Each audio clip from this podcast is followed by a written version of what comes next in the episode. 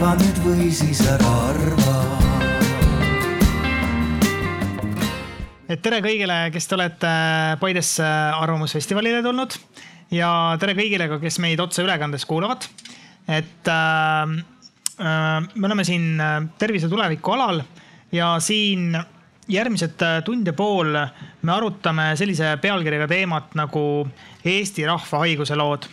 ja selle raames me kuulame tegelik, tegelikke selliseid patsientide lugusid ja mida erinevad inimesed on, on oma teekonnal tervishoius kogenud ja selle ilmestamiseks võib-olla kui laiahaardelisest teemast me rääkima hakkame, on see, et ühest hiljutisest uuringust selgub et, et viiskümmend üks protsenti inimestest külastab aasta jooksul vähemalt ühe korra äh, oma tervise tõttu arsti.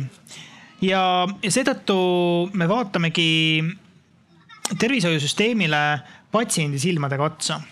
ehk siis me arutame täna inimkesksest tervishoiusüsteemist ja me sõnastame ühiselt need konkreetsed asjad, mida me saame ära teha.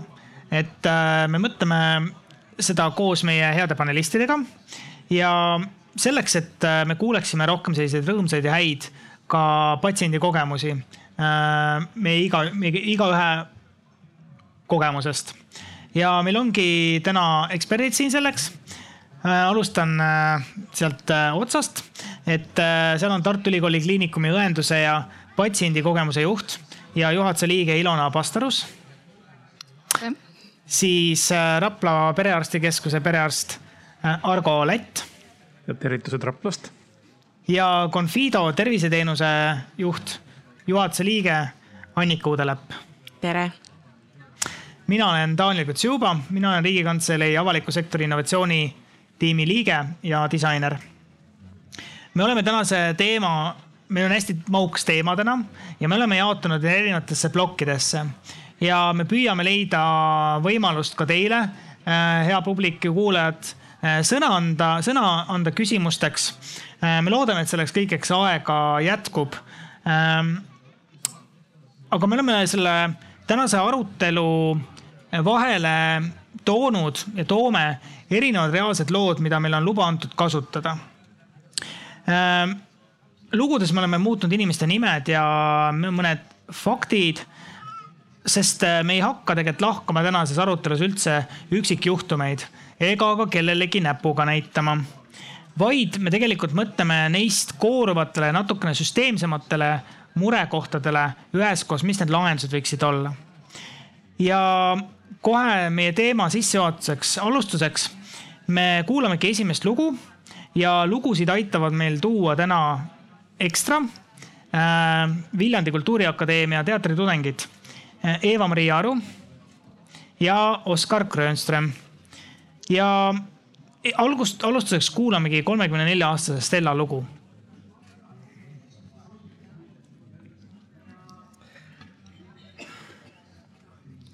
Stella on kolmekümne nelja aastane sportlik ja aktiivne naine välisreisil tabas teda ootamatu terviserike, mis lõi seni täiesti terve naise sõna otseses mõttes jalust. mõtlesin vaid, et tahan koju ja end ar Eesti arstide hoole alla toimetada. eesseisvast lennust hullem tundus jääda üksi Horvaatiasse ja seal haiglasse sattuda. pärast kaks tundi ja nelikümmend viis minutit kestnud lendu ning kahe suure hapnikuballooni jagu õhu ahmimist maandusime Tallinna lennujaamas, kuhu piloot oli mulle kiirabi vastu kutsunud lennukisalongi astus kiirabiarst, katsus mu käsi ja ühmas üle lennuki. Äh, saate ju küll käsi liigutada, pole teil häda midagi, see on tavaline ärevushäire. sõbranna püüdis küll selgitada reisil kujunenud seisundit, kuid miskipärast olid kohalikud abiandjad veendunud, et tegu pole millegi tõsisega. tõrksalt toimetati Stella siiski erakorralise meditsiini osakonda. EMO-s paluti mul silmad sulgeda, sõrm nina peale panna, mõõdeti kehatemperatuuri ja vererõhku ning võeti mõneks testiks verd. siis pisteti pihku kiirabiautos tehtud EKG ja paluti koju minna sõnadega. Te olete noor inimene, peate terve olema. maksin visiiditasu ja tellisin takso järele. hommikul kell kuus koju jõudes vaatasin nõutult EKG-d, millele oli märgitud minu sooks meil ehk mees paraku polnud Stella enesetunne arsti sõnadega peate olema terve kuidagi kooskõlas avasin digiloo, et vaadata, kas EMO arst kirjutas midagi ehk epikriisi, ent sealt vaatas vastu napp märkus võtta aspiriini. aspiriini siis hingamisraskuste, pideva minestustunde, käte-jalgade tundlikkuse kadumise ja kõhus keeramise vastu tol hetkel sain aru, et kui ma iseenda tervise eest ei võitle, siis võin aspiriini võtma jäädagi. Stellal tuli tööle minna, sest puhkus sai läbi, ent piinad jätkusid naine hakkas arstidelt abi otsima. kuna perearsti esimest vaba vastuvõtuaega pidi mitu nädalat ootama, pöördus kurnatud naine erakliinikusse. kummaliste sümptomite põhjust ei suutnud leida ei teda uurinud kopsuarst ega neuroloog, kelle arvates peitus kogu jandi põhjus Stella saledas kehaehituses.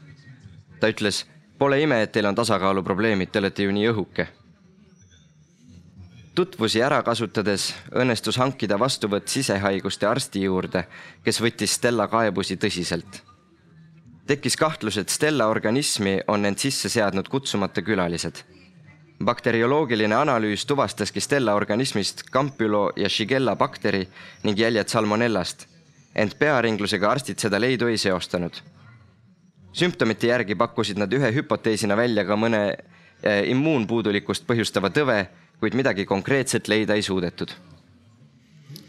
bakterite vastu määrati Stellale antibiootikumi kuur, kuid tasakaaluhäired jäid kestma. eluaeg tublilt jooksmisega tegelenud naine ei saanud pargiteel kõndimisegagi ilma tuikumata hakkama. tasakaalu taastamiseks tuli Stellal hakata kannatlikult spetsiaalseid harjutusi tegema harjutused pearinglusest vabanemiseks leidis ta haigla veebilehelt. tegin neid iga päev kaks nädalat kui baasharjutustega sain juba hakkama, pidasin nõu oma füsioterapeudist hea sõbraga, kes andis mulle keerukamaid harjutusi, mis lõpuks läksid üle treeninguks. samal ajal oli karm antibiootikumi kuur Stella seedesüsteemi sedavõrd kahjustanud, et tüsistusena diagnoositi naisel ka täielik laktoositalumatus. järgnes elu range toitumiskava järgi pika ravikuuri jooksul tabasid teda mõned tagasilöögid, kuid praegu Stella end enam haigena ei tunne organismi taastumisele kulus kokku kümme kuud äh, distsipliini, kuid mis tema tasakaaluhäirete põhjus oli, naine teada ei saanudki. Ilona. vabandust, ma sind ehmatasin niimoodi äkitselt äh,. oli endasse võib-olla tõmbav lugu tõesti, aga miks me tänapäeval ikkagi räägime üha enam sellist kõlapinda koguvast inimkesksest tervishoiusüsteemist? Äh, jah, et ma arvan, et see Oskari lugu ei peegelda tervet Eesti tervishoiusüsteemi, aga ma arvan, et päris mitu episoodi sellist on, äh, on iga inimese elus olemas. ja miks me peaksime rääkima patsiendikeskusest või inimese keskusest laiemalt, siis on seesama, mis, mis Oskar võib-olla ka teistes lugudes välja tuleb on see, et me ei, me ei lähene inimesele või, või me ei paku talle terviklikku abi. et meil on abi vaja ja, ja meil on väiksed killud, mis me talle siis anname erinevatelt süsteemidelt. väga hästi töötavad killud, aga mingit tervikut sealt ei teki et, et see on oluline ja me oleme rääkinud eile-täna päris palju ka ressurssidest ja rahast, me teame väga hästi, et meil on ka raha inimesi vähe.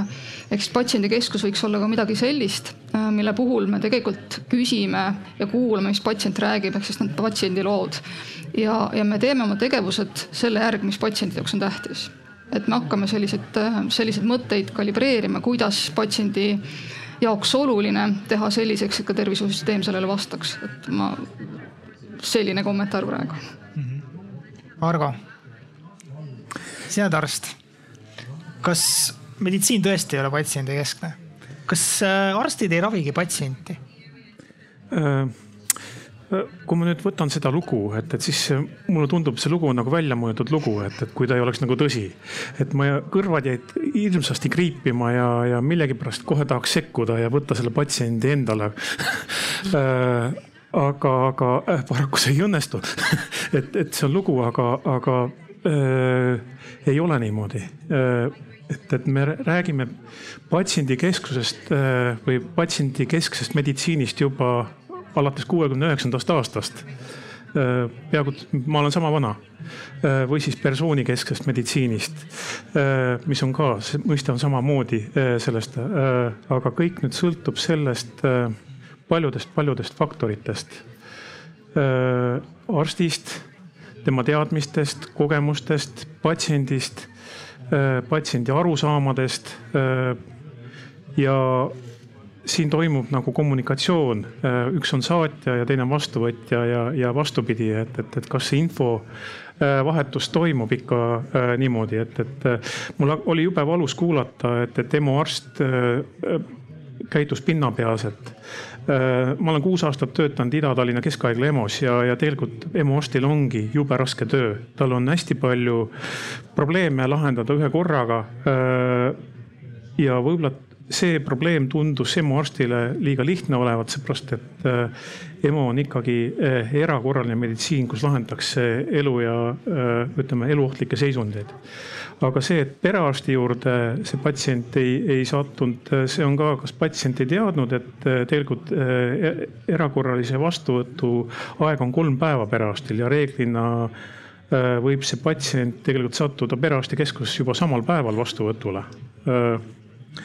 Äh, et, et äh, ma ei tahaks öelda, et meil ei, ei ole patsiendikeskne, aga äh, noh, kõik, kõik sõltub ju sellest arstist täpselt ja, ja patsiendist, et iga situatsioon on erinev ma ka seda ei teadnud, et saab kiiresti perearsti vastu võtta. see on hea teada, aga me jõuame ka täpsemalt neid asju võib-olla siin arutada, et Annika, kui Argo ütles, et kuuekümne üheksandast aastast me räägime nendest teemadest, kus me täna Eestis oleme nende teemadega? me oleme siin tervise tuleviku alal ja me räägime patsiendikesksest tervishoiust. huvitav, aasta ei ole kuuskümmend üheksa ja need lood, mida me kuuleme, ei ole ükski väljamõeldud lugu, need on täiesti äh, selgelt Eesti inimeste lood. meie korraldajatena äh, tunneme mõnesid neid inimesi ka isiklikult, kelle lood need on. ja, ja nad ise jutustasid need. ja kui me mõtleme, et kus me siis täna oleme, ma arvan, et me oleme seal, et me oleme poolel teel meil on väga-väga palju häid kogemusi, meil on väga palju loodud süsteeme. me juba mõtleme disaini keeles, me mõtleme, me kasutame sõna patsiendi teekond, mitte arsti vastuvõtt, eks ole? Mm.. ehk tegelikult see patsiendi teekond, see on nagu helmekesed ühel keel, kus sa lükid erinevaid teenuseid kokku ja vaata, kui see keel läheb katki, siis need tükid ei lähe enam kokku, see ei ole enam teekond, see ei ole enam see üks ahel, siis on need üksikud pudinad kuskil ja see, mis sellest loost mulle kõrva jäi äh, kõigele muule lisaks, oli nagu kaks lauset. üks ütles tutvuste kaudu ja tuttav füsioterapeut ja noh, tegelikult see on minu meelest üks lugu, et sa Eestis endiselt pead kedagi tundma, sa pead olema ise noh, pooleldi arst või arstide suguvõsast selleks, et hakkama saada süsteemis. et noh, see on tegelikult minu meelest see, mis nagu aastasse kaks tuhat kakskümmend kaks enam ei sobi aga meil on, kui ma nüüd vastan sinu küsimusele otse, et kus me oma patsiendi teekonnaga oleme, siis ma arvan, et meil on selliseid, see on nagu osa teekonnast on nagu noh, päris hea sise, sile asfalt, et hea sõit on. siis on, kohati on selline noh, munakivitee. kohati on selline remont käib äh, tunne ja kohati teerada kadub, kaob ära läheb üle eh, metsarajaks, eh, kus igaüks otsib ise samme. ehk see teekond on täna kohati juba väga hea, aga kohati teda ei ole ehk see on hektiline ja ta pole nagu alati see, mis igale patsiendile annab selle kogemuse, mida, mida meie, kes me siin laval oleme, töötame tervishoiuteenuse osutamise asutustes, tahame iga päev, teeme selle nimel ränka tööd, et tegelikult see teekond ei oleks laiali pudenenud helmed, ei oleks rohtunud rada, vaid oleks, oleks see tervik. et ta on nagu kett siis, et, et ja. kett on nii tugev, kui on äh, tugev. nõrgim lüli. nõrgim lüli, just. Mm -hmm. kuulame järgmiseks äh, kahte lugu. Äh, kuuekümne ühe aastase Malle ja seitsmekümne kolme aastase Einari lugu. selleks, et natukene seda äh, võib-olla selliseid kogemusi juurde siia tuua mis võib-olla taaskord iseloomustavad, toovad natukene mingeid erinevaid kihte juurde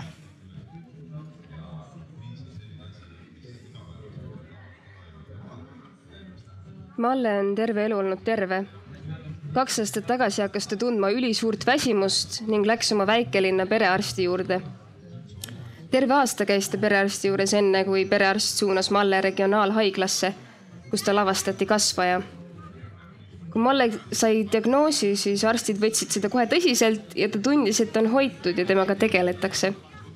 seetõttu ei tekkinud Mallel suurt hirmu. kuri haigus, aga see minu esimene emotsioon oli nii hea arstide poolt, et, et mul tekkis tunne, et ma olen, ma olen hoitud. et ma olen tähtis, ma olen oluline ja et me kohe tegeleme sellega. pärast diagnoosi saadeti Malle keemiaravile ning ta oli kolm-neli nädalat onkoloogia osakonna statsionaaris. Onkoloogia osakond on väga õnnetu osakond. inimesed ei tea, millal nad koju saavad. see on väga raske koht inimesele. keskkond võiks olla nagu kodu, sõbralik, hubane, vaheldustega samuti ei selgitata protseduuridel Malle sõnul piisavalt, mis toimuma hakkab. see tuleb ära rääkida. sinu jaoks võib see olla lihtne uuring, aga kontrolli, kas inimene on aru saanud. Malle arvates on emotsionaalne osavõtlikkus, märkamine ja aitamine üks olulisemaid ravikomponente. keemiaravi pärast tekkisid Mallel tugevad kõrvalmõjud.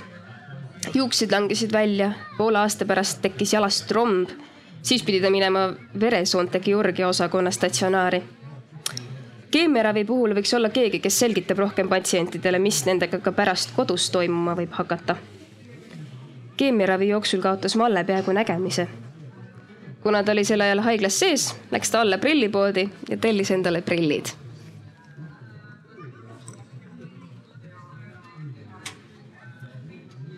Einaril oli mitu kuud tugev närvivalu vasakus jalas nii et mõni päev oli raske jalga alla saada ja sokke pani talle jalga abikaasa Helju. valu muutis muidu kange ja tugeva mehe, kes iial oma tervisemurede üle ei kurtnud, tigedaks ja närviliseks. Nad elavad Einari kodutalus Võrumaal ja linna sõit on ikka ettevõtmine. Läks perearstile, kuid selgus, et eelmine perearst oli pensionile jäänud ja uus alles elas sisse. oli ettevaatlik saatekirjade ja uuringutega soovitas füsioteraapiat ja valuvaigisteid, aga esimene võimalus füsioterapeudi juurde saada oli kolme kuu pärast. Einar kannatas, valu ei muutunud. vabandust.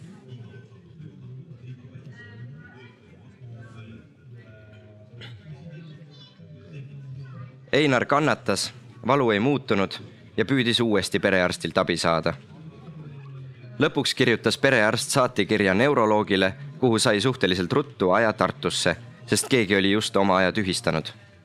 neuroloog määras uuringuid, röntgen ja MRT.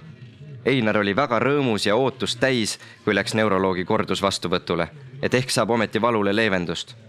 Terve pere elas talle kaasa ja kui Einar koju tuli Tartust, siis küsisid kodused, et mida arst ütles Einar oli elevust täis ja ilmselgelt rahul ja positiivne.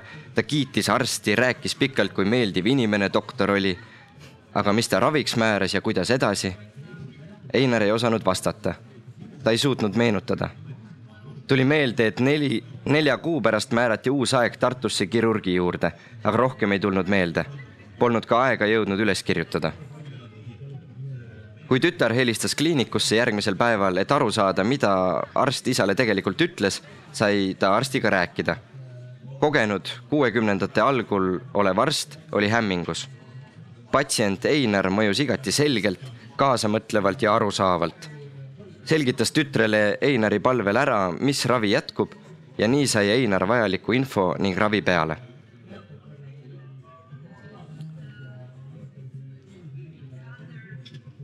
Argo, sa rääkisid ennem sellest, äh, natukene avasid seda EMO arsti kogemust, milline on nende äh, töö, et kas sa avaksid natukene võib-olla oma kui arst, enda kui arsti perspektiivist et äh, kust see tuleb, et miks ei õnnestu alati anda piisavalt informatsiooni või miks patsiendid tunnevad, et neile ei anta alati piisavalt informatsiooni selle ees, mis neid ootab ees ja neid ei juhendata nagu sellest läbi, nagu me kuulsime tegelikult Malle loost mm. -hmm. et vaata, siin on küsimus nüüd, äh, missugust vaatevinklist va vaadata, mina istun äh, nagu hetkel perearsti saabastes et olen proovinud ka Nemo saapad, aga residentuuri aeg olen natuke maitsnud seda osakonnatööd erinevates osakondades ja, ja tegelikult arstil on kogu aeg kiire, tal on kogu aeg oma, oma haiget pidada, polikliinikus haiget pidada. ja nagu see kiiruse moment ja, ja see, et, et arst teeb oma otsused parima tõenduspõhisuse baasil, et mis on need tänased, eriti onkoloogias, nemad jälgivad väga täpselt neid ravijuhendeid, mis on vaja. Äh, aga kas nüüd arstil jääb ka aega rääkida selle patsiendiga, et, et äh, mida ta teeb, kas see on kõige parem valik, kas patsient võtab selle vastu, et, et äh, kas ma tahan seda ravi üldse, et. et patsient on ka tark, ta guugeldab, ta vaatab, et äh, mingid asjad on kuskil olemas või, või selle ravimiga, mida arst pakub talle või konsiilium pakub, et sellega on palju kõrvaltoimed, et, et seda ta ei taha. et siin on nagu see empaatia ja äh, arsti veenmisoskus või äh, me nimetame ka motiveeriv äh, intervjueerimine või, või kuidas sa nagu saad ja, ja kas patsient, kas austad seda patsienti, et noh, ma vuristan ette, et, et ravijuhendid täna, täna näevad niimoodi ette. ja ma teen niimoodi, aga kas patsient on sellega nõus, et, et nagu see on nagu see küsimus, et sa pead nagu ühele poolele, ühel poolel olema patsiendiga, olema patsiendi kingades Äh, tundma sedasama tegelikult, mida patsient tunneb, et ja, ja, ja, ja mida patsiendi pere tunneb või, või see keskkond, kus see patsient elab, et, et, et.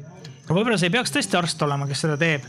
tõepoolest, arstid on kõrgelt kvalifitseeritud inimesed äh, tegema tõesti, nagu sa rääkisid, et võib-olla peaks keegi teine osapool olema see, kes äh, aitaks aru saada inimesel, mis tema teekond on? no kui me võtame onkoloogiat, siis suurtes äh, äh, keskustes ongi ju täna juba niimoodi organiseeritud, et kus on nagu arstid teevad arstlikke otsuseid või konsiliaarseid otsuseid. Äh, ja on olemas õed, nõustajad, spetsiaalsed kabinetid, kus neid nõustatakse, jäetakse telefoninumber. aga noh, tavaliselt ega patsiendile ei jää see meelde tal ise, ei jää isegi see meelde, et antakse mingi kaart et helista sinna, äh, siin on su ravimi nimi. Äh, et tal ei tule see isegi see asi meelde. aga sellise arusaadava ja vajaliku informatsiooni omamine ju puutub väga tihedalt kokku selle küsimusega, kas patsient järgib oma ravimit, ravi, kas ta saab aru sellest, mida ta teeb. ehk siis me räägime ravi soostumusest. et ja see on omakorda väga selgelt ju seotud ravi tulemuslikkusega. et äh, onkoloogias eriti, kui me, eks ole, kasutame alguses äh, lahjemaid ravimeid ja kui seda ei järgita, siis tuleb järjest kangemaid. ma nüüd räägin muidugi enda tasapinnalt seda, et võtke seda suure kriitikaga, et kindlasti on meil eksperdid, kes äh, teevad mu piuks ja põrmuks poole sekundiga. aga küsimus siiski on äh, see, et Annika, et väga hea on see, kuhu praegu Argo jõudis, et see küsimus tegelikult ei ole selles, et kas patsient saab aru, vaid võib-olla selles, kuidas me seda informatsiooni, millistes lõikudes, etappides peame nagu edastama. Einari loost tuli väga hästi see et välja, et kogemus arstiga oli fantastiline. ta oli ülimas vaimustuses sellest, mida võib-olla meeste puhul on nagu isegi suur pingutus leida, eks ole.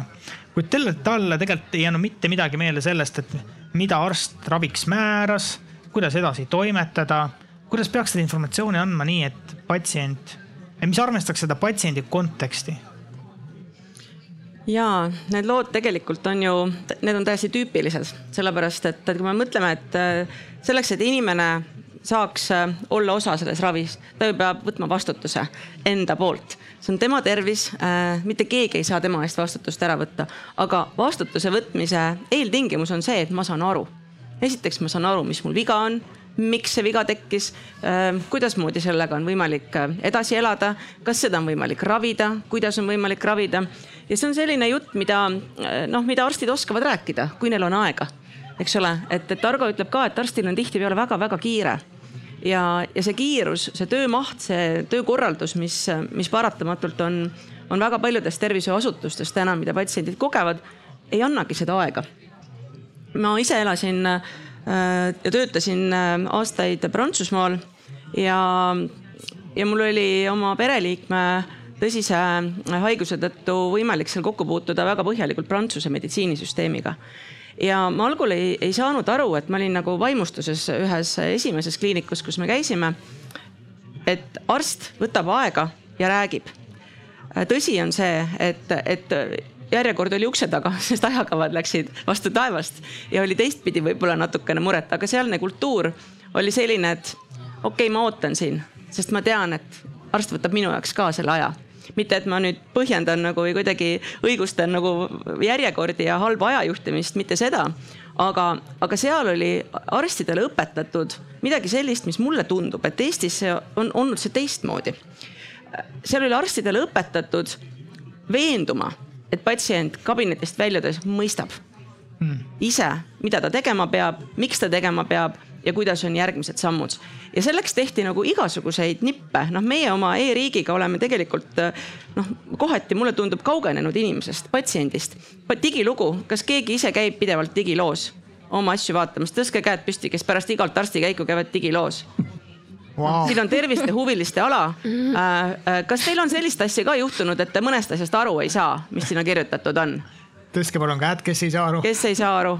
palju vähem jah, noh, loed, eks ole, et see oli nagu pilt natiivis ja, ja see mõõtis nii palju ja seal oli teine asi nii palju ja, ja maliigsust ei sedastata. noh, see, kes teab, mida see tähendab, võib öelda, et väga hästi, kasvajat ei ole, äh, on hea loomuline, aga need on, see on meditsiiniterminoloogia. digilugu on süsteem arstilt arstile tegelikult, see on meditsiini äh, spetsiifiline infosüsteem, mis võimaldab teha raviotsuseid sõltumata sellest, kus siis patsient süsteemi satub aga see ei ole patsiendile mõeldud. see, kui mõni patsient sealt ise lugemas käib ja, ja isegi aru saab, on, on suurepärane. aga arvata, et digilugu lahendab patsiendi informeerimise vajadust, on, on ikkagi väga vale. ja mulle tundub, et see kuskil õhus hõljuv eeldus on, on meie nagu süsteemis olemas. ja, ja noh, selle Einari lugu, noh, tegelikult noh, arst oli, see Einar on minu isa äh, tegelikult ja, ja mina ise helistasin arstile sest, sest ma lihtsalt veensin kliiniku juhti, et, et kes ma olen, mul puudus õigus tema, tema digilukku minna. tal ei ole arvutit, ta ei kasuta ID-kaarti, ähm, ta isegi ei tea, kus tema paroolid on, ta käib ainult hääletamas sellega. ja, ja ta, ta oli nagu tõsiselt hädas ja mina noh, ei saa ka endale esindusõigust nagu niimoodi ilma, üks on Tallinnas, teine on Võrumaal teha ja, ja arst ütles nii, et issand, ma, ma tõesti seletasin talle kõik ära, ma täiesti usun seda arsti. ja tead, mis oleks aidanud? väike paber, kus on kirjutatud edasi võimle, võimlete niimoodi, nüüd teete seda, järgmine kordusvisiit on sellele, me vaatame, kas operatsiooni näidustus on kadunud. noh, neli rida. Ja, ja, ja see patsient oleks olnud nagu suurepäraselt informeeritud. tal oli äh,, ta on täiesti terve mõistuse juures inimene. Äh,, tal oli lihtsalt selline ärevus, et kogu tema energia arstikabinetis läks selle peale, et nagu veenduda, et kas ta seal kenasti käitub noh, et ta polnud nii, ta oli nii ele, elevil selle arsti visiidi pärast, ehk tegelikult ta jätabki täiesti adekvaatse mulje arstile, arst arvab, et patsient sai aru, no tegelikult mitte mõhkugi. Ja seda inimest ka digilugu ei aita. Tegelikult need on vahepeal üliväikesed sammukesed, mida vaja on teha selleks, et see patsiendi nii-öelda teekond oleks terviklik ja see info äh, ei kaoks ära. Ja tema puhul tegelikult see ravi aitas väga hästi, operatsioonile polnud vaja enam minna, kuna ta võimles iga päev ja siis mina rääkisin talle, isa, kui sa iga päev ei võimle, siis sa pead minema operatsioonile. tead, ma olen käinud sellisel operatsioonil, see on päris halb operatsioon, sa taastud sellest tükk aega, eriti sinu vanuses. Eh, noh, diskioperatsioonid ei ole lihtsad ja inimene võttis, sai aru, võttis vastutuse, võimles iga päev ema valvab, et isa võimleb, isa sai terveks, suurepärane, eks ole. aga tegelikult pere saab toetada siis, kui pere ka mõistab, kuidas ta saab toetada. aga kui ta tulebki välja, ütleb, ma ei tea, lähen X kuupäeval Tartusse, kelle juurde, ei tea, miks. vaatame, kas operatsioonile, ei tea noh, tegelikult see oli see, pisikesed sammud, mida me ise saame teha ka ära ja meie muidugi, ma oma töös nagu teen, teen seda igapäevaselt ja me oma patsientide tagasisidet screen ime nagu väga-väga terase pilguga ja, ja muudame kasvõi üleöö mingisuguseid informeerimise praktikaid. Äh, ja, ja tegelikult on sellest nagu väga palju abi mina kohe hakkan arste kaitsma, et tegelikult on ajas on asjad paremaks läinud. Äh, oleneb erialadest, et äh, juba osad erialad annavad, haiglaarstid annavad väga täpseid äh, juhised, et mis, mida teha kodus, missugust valuraviskeemi kasutada või, või kuhu pöörduda ja millal mingit asja teha või kuhu pöörduda edasi. Noh, mis sest, et juba Rooma ajast räägitakse, et näitlejad ei oska näidelda, õpetajad ei oska õpetada ja arstid ei oska arstida. see oli, on ja jääb ka tulevikus. arstid oskavad väga hästi, aga ma arvan, et seda selgituse poolt on, on ajapuudusel olnud võib-olla vähem. ma arvan pigem seda mm ja, ja võib-olla patsiendid ei oska ise küsida ka tihtipeale. patsientidel on tegelikult ju tohutu respekt val, valge kitli ees mm.. sa lähed sinna, noogutad, palju juttu, ei saa aru, aga ei taha rumalana paista ja loodad, et noh, midagi jääb meelde, et äkki apteeker kirjutab karbi peale. noh, ravimite nimed on juba nii segased, kui sa pead kolme skeemi omavahel kombineerima, noh, ütleme, nõuab nagu korralikku jälgimist. et see ongi see patsiendi vaade, millest meie noh, tervishoiuasutustes peame lihtsalt nagu aru saama, et, et ongi teine perspektiiv, nad räägivad teist keelt. Ilona, sina näed ka ju. Ma näen ka, et ma muidugi kaitseks ja mitte ei kaitseks, ma ütleks, ma oleks tulevikualas, et äh, see digilugu. kuna ma tean, et sellega noh, meedia on kirjutanud, et sellega on väga ägedad arendused, siis ma tegelikult loodan, et ühel hetkel on see patsiendiportaal või terviseportaal täpselt selline töövahend, mis on patsiendile arusaadav, mis suhtleb temaga, mis saadab talle meeldetuletusi, mis kaasab sinu lähedasi, saadab talle meeldetuletusi sa ütlesid väga õigesti, et äh, patsiendil ei ole palju vaja, et viis rida paberi peale. aga seal on see lugu, et kui sa lähed selle viie reaga koju ja tõstad selle paberi kõrvale, siis sellest viiest reast ei ole kasu. sul peab olema mingi süsteem, mis sind edasi toestab, toetab ja samamoodi ma nagu näen, et see on nagu tervishoiutöötaja vastutus, et, et kui, kui haige on sinu haige veel ja, või patsient ja ta astub sinu terviseasutusest välja, siis sellega teil suhe ei lõpe. et sul peab jääma mingi vastutus, sa pead teadma, kas ta on saanud sellest aru, kas ta võtab neid ravimeid, kas temaga on kõik hästi korras. et äh, sa mainisid väga õigesti, et äh, patsient tunneb ennast noh, natuke kahtlaselt, kui ta on arsti vastuvõtul, mis on tõsi. et me oleme teinud oma patsientide uuringu, kus patsiendid nimetasid kahte emotsiooni, mis neil oli arsti vastuvõtul, see oli alandlikkus ja kannatlikkus Need ei ole väga head emotsioonid, mille pealt mingit patsiendi õpetust talle teha. Et, et kui me suudame jõuda selleni, mis ma, mis ma tegelikult olen öelnud, et, et me võtame aja, et me kuulame patsienti ja me suhtleme temasse kui inimesse, ehk siis ta ei ole patsient, ta ei ole klient, et me ei pane talle mingisugust silti külge, vaid ta on inimene, meiega võrdne. vot sellisel moel tekib selline, selline suhtlus, mis võib-olla patsiendil võtabki selle alandlikkuse ära, mis tegelikult ei ole hea emotsioon, mida tervishoiuasutuses tunda üldse et, äh, et minu jaoks oleks see väga oluline, et me oleme ühel hetkel partnerid, jah, patsient peab olema informeeritud, tervishoiutöötaja, eriti perearstid peavad olema võimestatud. aga, aga see partnerlussuhe minu meelest on, on ülioluline ja siis tuleb sealt edasi juba, kas meil on haiglapoolne kontakt, kas tal on sotsiaalne võrgustik, kas pere on hästi kaasatud, kas ta saab need viis rida, mis minu arust on ülitähtsad. sa pead konkreetselt kirja panema, mis juhtub et see näide minu arust oli väga hea, et ma ei teadnud, et see oli sinu isa, aga see oli selline väga-väga värvikas ja äge juhtum kes see kontaktpunkt võiks haiglas olla, kui me mõtleme, kui me natukene unistame? see ei saaks arsti olla me võib-olla isegi ei tahaks, et see arst või, või siiski? see võib olla, sest et äh, kui me küsisime erialakliinikutest, et kuidas meil patsiendiga suhtlus või, või mis kontakte või toetust me neile üldse pakume, äh, siis tuli hästi erinevat tagasisidet, meil on olemas üksikud kohad, kus meil on olemas juba koordinaatorid õdenõustajad. Neil on väga vedanud, ehk siis nad on äh, võtnud selle inimese mingi teise töö pealt tõenäoliselt ära sest noh, ma ei taha rahastuse peale tulla, aga haigekassa ei rahasta praegu selliseid projekte. ja, ja neil on inimene, kes on pidevalt olemas, olemas patsiendi jaoks. on erialased, kus see kontakt on, on arst tema enda soovil.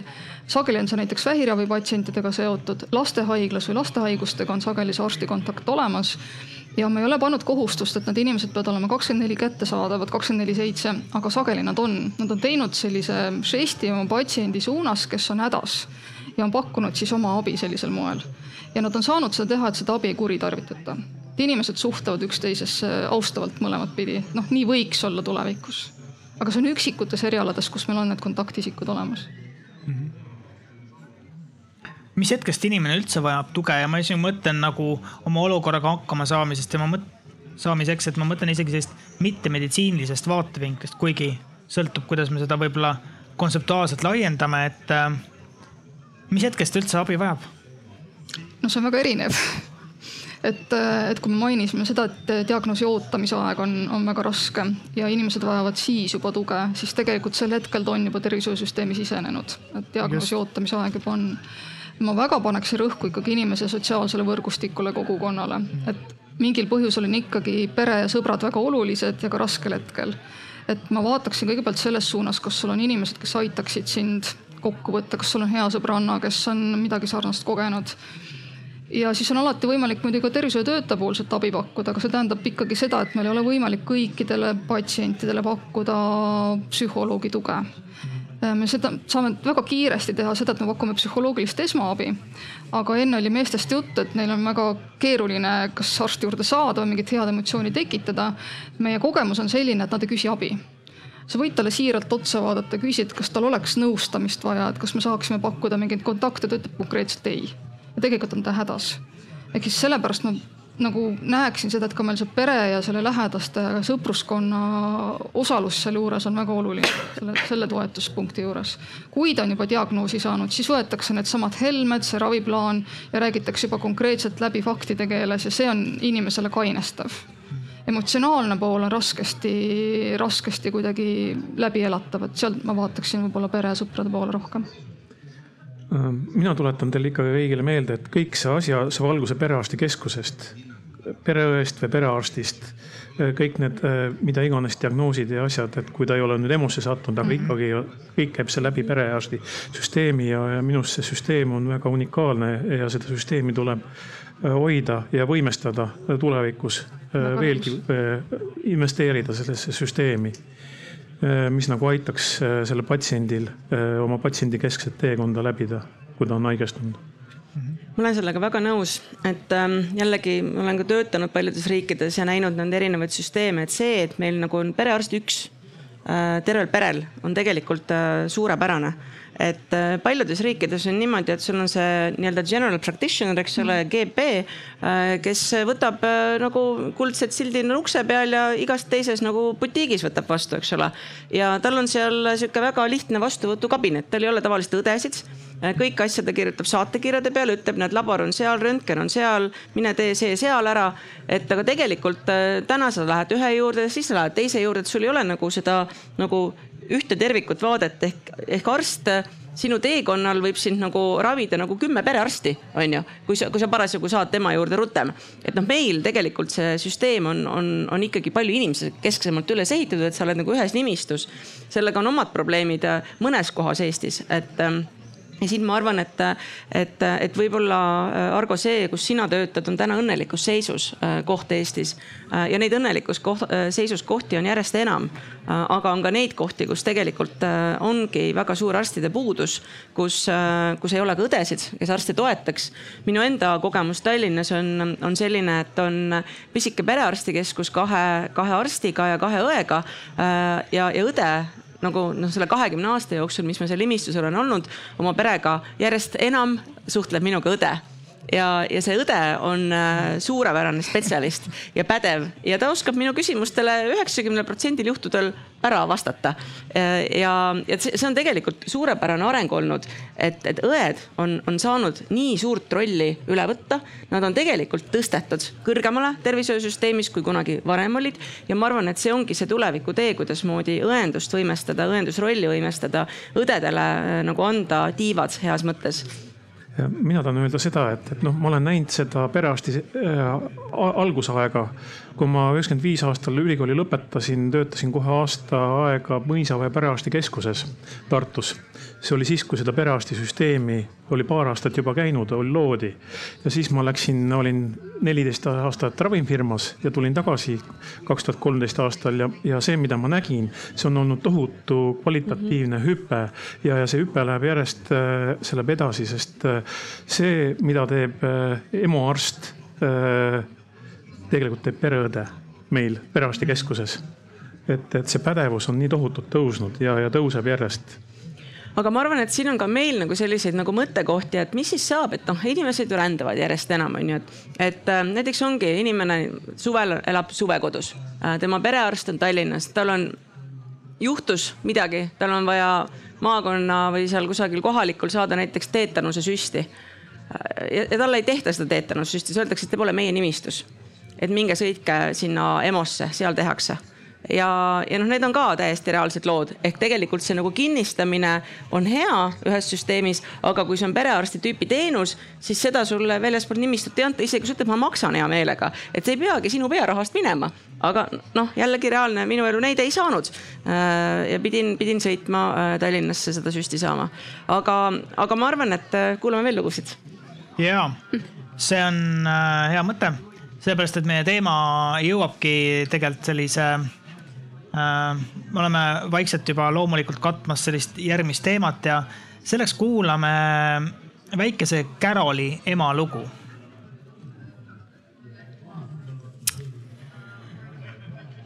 Caroli on olnud sünnist saadik väga aktiivne ja emotsionaalne laps, kes väikelapsena magas vähe ja keeldus söömast.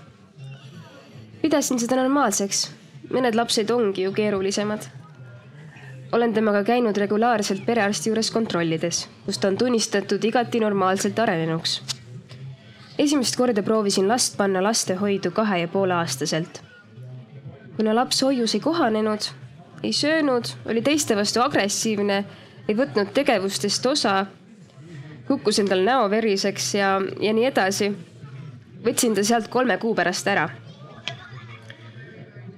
lasteaeda proovisin Caroli panna kolmeaastaselt. Lasteaias tundis laps ennast ilmselgelt halvasti. ei söönud, ei võtnud tegevustest osa, kakles ja hammustas, keeldus kodus oma päevast rääkimast, ei lubanud laulda laule, mida kasvataja laulis pooleteist kuu pärast rääkis lasteaiakasvataja minuga, et laps ei tundu olevat päris normaalne. ja nende lasteaias puudub kasvatajatel kogemus selliste lastega. Pidasin seda juttu küll rumaluseks, kuid võtsin Caroli sellest lasteaiast ikkagi ära ja panin ta tasulisse lastehoidu. kus ta käis kolm päeva nädalas, kolm kuni neli tundi korraga. lastehoius jätkusid samad probleemid.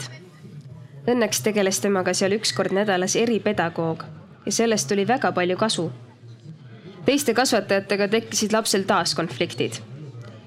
perearst arvas, et lapsel pole häda midagi, vaja rohkem sporti teha. Kahjuks laps keeldus pidevalt trennides kaasa tegemast ja treenerid ei soovinud sellise lapsega tegeleda. palusin perearstilt saatekirja las-, laste psüh-, psühholoogile. kuid jätsin minemata, kuna arvasin, et laps on lihtsalt liiga väike ja kasvab välja suvel käisin lapsega hoopis tasulistes eri, eripedagoogi tundides.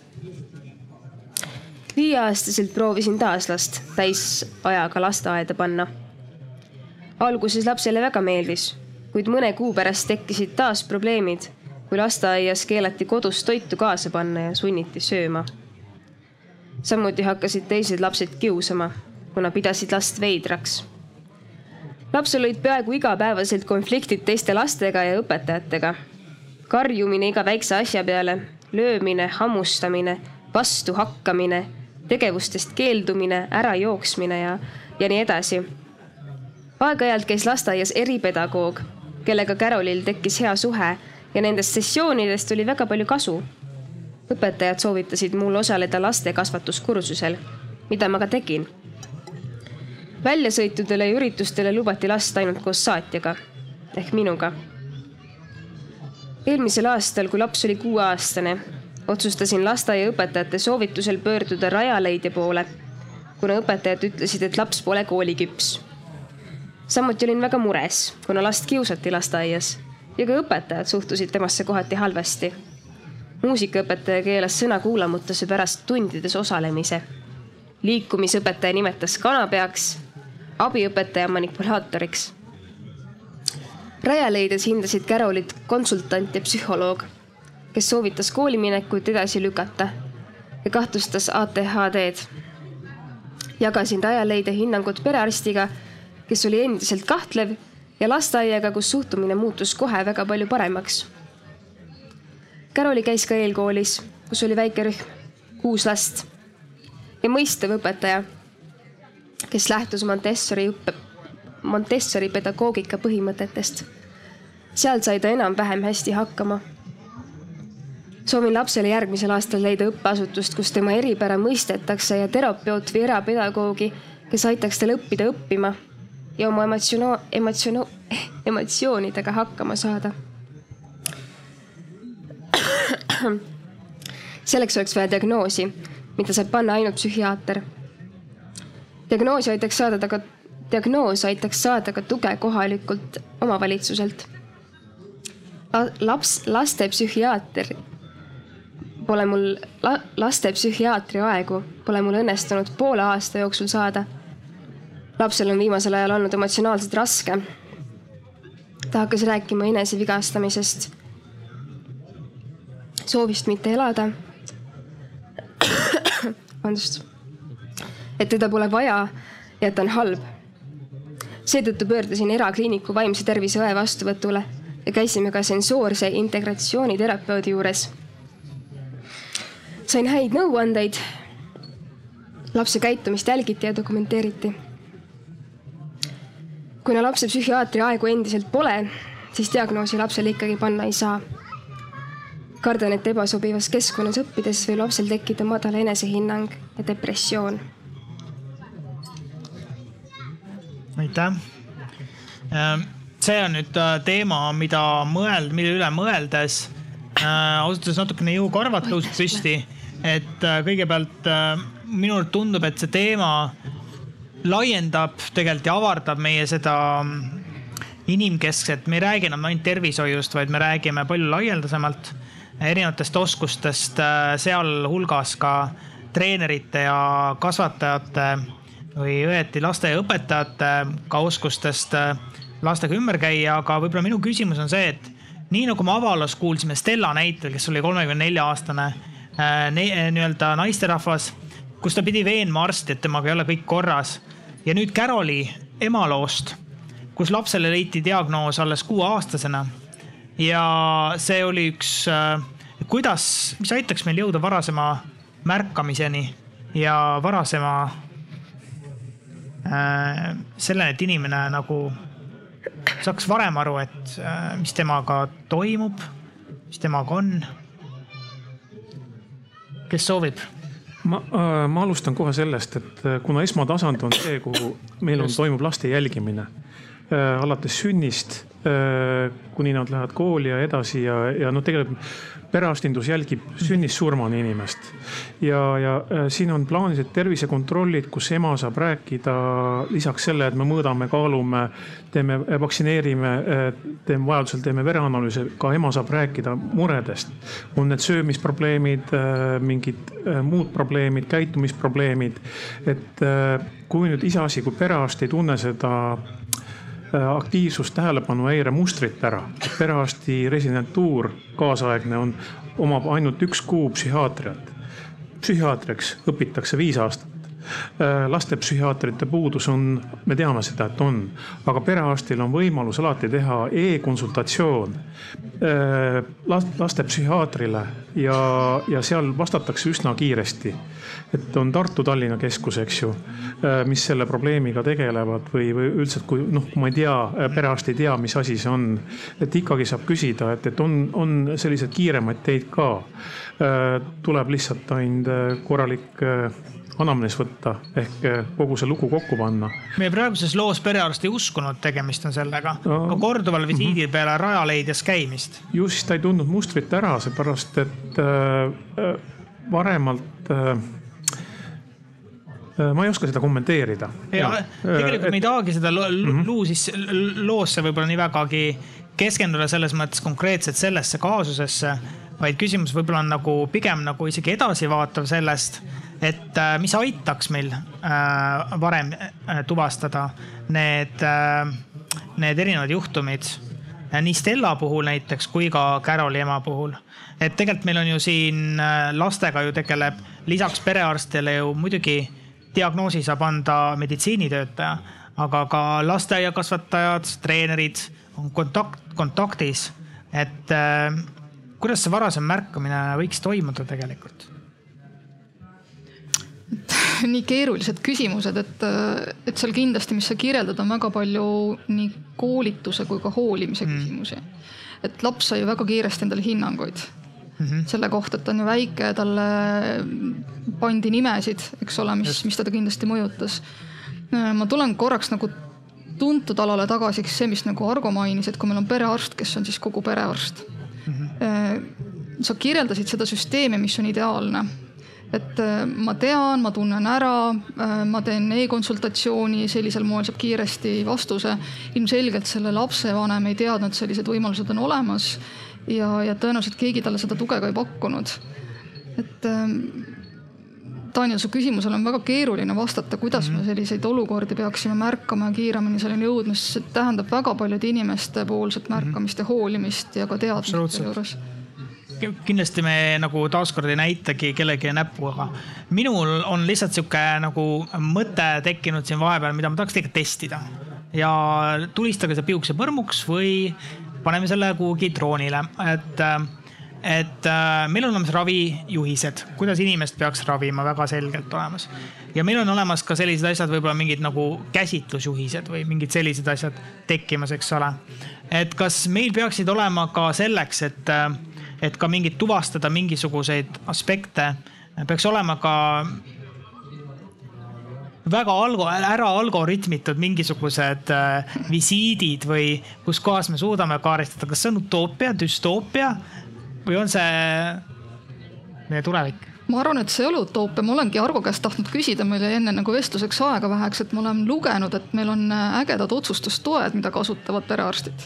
tahtsin küsida, et kas, kas sa kasutad ja millistel juhtudel, kas on siis ainult olemasolevate ravijuhendite põhine ja kui tark see süsteem on?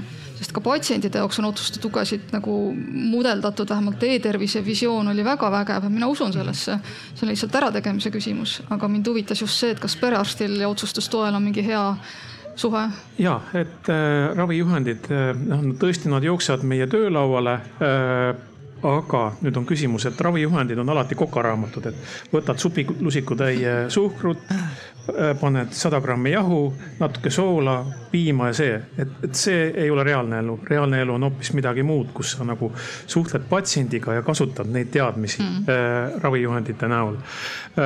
Äh, mis on tõe, tõenduspõhised, aga äh, ravijuhendid on alati aegunud, kui nad välja tulevad, nad on juba aegunud. aga meil on alati võimalus vaadata kuskilt uuemat kirjandust, kas erialaseltside kodulehekülgedelt või up to date'ist äh,. noor, noor põlvkond kasutab kõik seda see on selline meditsiini äh, informatsioonikeskkond äh,. et me kasutame, aga, aga alati ütlen ausalt öeldes, ei ole aega, see ravi otsustustugi ei ole täiuslik, ta annab sulle mi midagi kui sul on mingi laborianalüüsi äh, hälve või et vererõhk on kõrge või äh, on neeru puudulikkus, et, et võta see ravim maha või ole selle ravimiga ettevaatlik või tal on mingi riskifaktor, et lisa raviskeemi aspiriin aga psühhiaatria, äh, sellised äh, nagu noh, ütleme see aktiivsus-tähelepanu häire, seda ei saa panna sinna äh, otsustustukke või, või noh, see ei ole nagu see, see keskkond.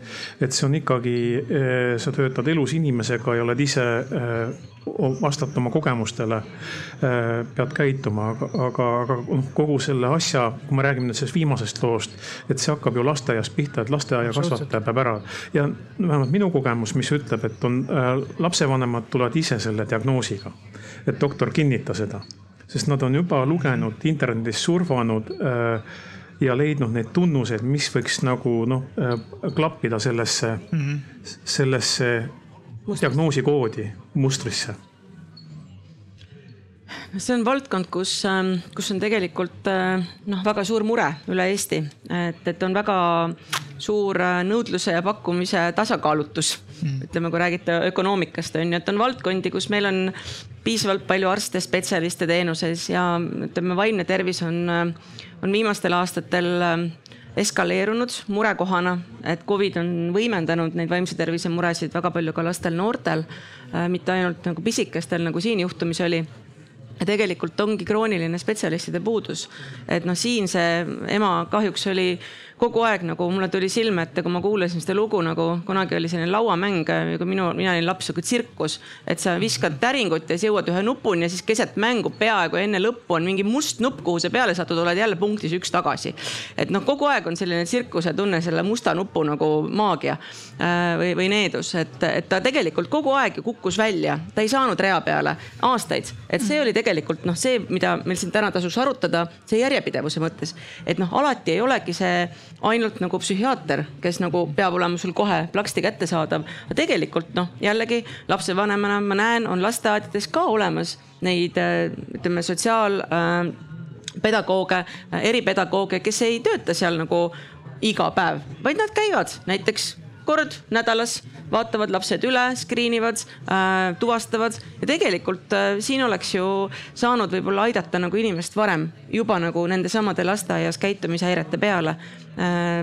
ja meil on olemas teenuseid äh,, võib-olla jällegi äh, vanema teadlikkus, äh, võimalus saada informatsiooni, vanem ju tegelikult otsis informatsiooni mm, -hmm. ta ei olnud passiivne.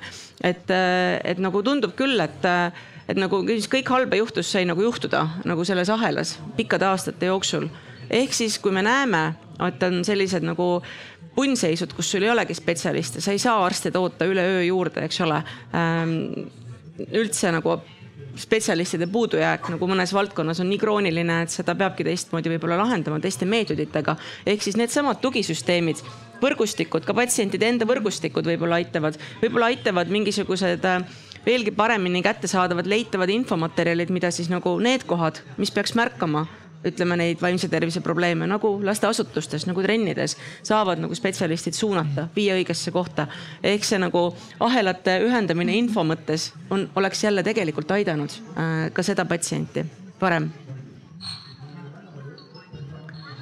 ma arvan, et kuna sa selle järjepidevuse punkti sõna välja ütlesid, siis kuulame järgmist lugu.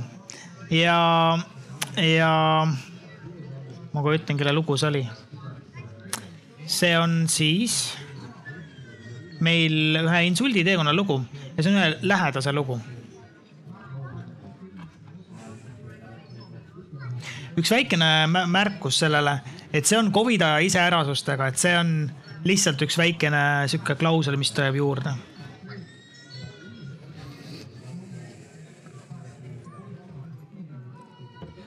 minu ema sai insuldi eriolukorra alguses. ta viidi haiglasse. Esimene tõke oli see, et tegelikult ei olnud neil õrna aimugi, kuidas sugulasi leida. ja nad ei leidnudki. mina leidsin õige koha umbes mingi viiendast kohast ja üheksa tundi hiljem, kuhu ise lõpuks helistasin ravi kohta ei ole mul ühtegi halba sõna või noh, ega ma ei ole ekspert ka. ja loomulikult ei saanud ema vaatamas käia. Õnneks valveõde ikka igapäevaselt leidis aja, et anda tema seisundist ülevaade. Kahjuks ei teavitatud, kui inimene ühest osakonnast teise viidi ja paar korda oli ema kadunud ja ma pidin teda tundide viisi taga otsima. aga no lõpuks ikka sai üles leitud. haigla organiseeris taastusravi haigla pakkus võimaluse ja organiseeris ka õendusabikoha ja transportis ta sinna. super. teises linnas Covidi tõttu kodus kinni istuvale lapsele oli see suur abi. see kõik käis telefoni teel ilma igasuguse nägemiskontakti või allkirjadeta. Arved saadeti minu emailile ja mina lihtsalt maksin teisel päeval pärast insulti andsin teada ema perearstile, kes ütles aitäh teavitamast ja head paranemist rohkem pole perearst ema tervise vastu huvi tundnud, äh, siis näiteks kirjutanud või helistanud või midagi sellist. null reaktsiooni viieteistkümne kuu jooksul. ema on endiselt tema nimekirjas ja arst saab tema eest pearaha. Kui ema oli viidud piirkonna haiglasse õendusse, tuli mõtlema hakata edaspidise elu peale. küsisin haiglast, et kas saab haiglasse notarit saata, et teha näiteks volitus äh, ema asjade ajamisel. mulle öeldi, et nad pole selle peale mõelnud, aga nad mõtlevad vastuse sain kahe nädala pärast, kui oli viimane päev emal õenduses. aga vastus oli positiivne, et jah, võib küll. Kuna mul polnud isegi võimalust ühistranspordiga sõita ema koju ja vaadata, et ehk saab tema hooldamisega kodus hakkama, hakkasin vaatama hooldekodusid. eriolukorra ajal põhimõtteliselt keegi vastu ei võta, lubati järjekorda võtta ja vaadata, et kui koroona üle läheb. ehk lükka õendusest välja ja otse kraavi pöördusin ema kohaliku omavalitsuse poole. oldi mõistvad, aga ühtegi koduteenust nad ei paku. üleüldse koroona ajal nad teenuseid ei paku. Soovitati teha eestkoste, ei teinud. ja kõik. Õnneks üks neist suutis anda vihje ühe hooldekodu kohta, et helistagu ma sinna ja märkus, mitte et valla sotsiaaltöötaja helistab sinna ja lepib midagi kokku, vaid ikka pereliige organiseerigu midagi Õnneks sinna hooldekodusse sain koha. kuna see asub teises maakonnas ja mul lube pole, oli küsimus tema transpordis. Äh, palusin KOV-il aidata, kas auto või millegagi. ei. kui oleks oma maakonna või valla piires, siis veel, aga kui teise maakonda, siis nemad ei tee midagi, isegi mitte raha eest. lubasin maksta mida iganes, aga ei hooldekodu soovis saada meditsiinilist transporti äh, või kakskümmend neli tundi enne siis koroonatesti. jällegi õnneks sain piirkonna haiglast tellida auto ja maksin selle sõidu eest sada kaheksakümmend eurot. asi ei kulgenud äparduseta, sest kokkulepitud kellaajal läks auto kuhugi mujale teenust tegema ja minu ema ootas õenduse voodiveerel kolm tundi oma sõitu. mina ootasin samal ajal hooldekodu parklas ja olin hullumas sest loomulikult mitte keegi ei pidanud vajalikuks teavitada. mu insuldihaige ema kadus järjekordselt sõnagi lausumata ära. saime lõpuks hooldekodusse end sisse seada. Haiglast helistati vist juunis ja tehti nii kümneminutiline küsitlus, see on siis kuus kuud pärast insulti. see oli äh, meeldejääv, sest minult sooviti andmeid, mis muidu on arusaadavad, aga kui on eriolukord, ähm, haiglasse ei saa ja hooldekodud on suletud, siis kuidas ma vastan küsimustele, et kas sööb ise ja kas paneb riidesse ennast ise? ma ei tea, külastuskeeld. see jättis väga halva maigu suhu. patsiendist või patsiendi lähedastest ei hoolinud keegi, peaasi, et saaks paberi ära, paberi ära täita. rohkem regionaalhaiglast helistatud ei ole. perearstile saatsin paar emaili küsimusega ravisoovituste või muu sellise osas vastust pole saanud. kord kuue kuu järgi helistan pereõele ja lasen retsepte pikendada.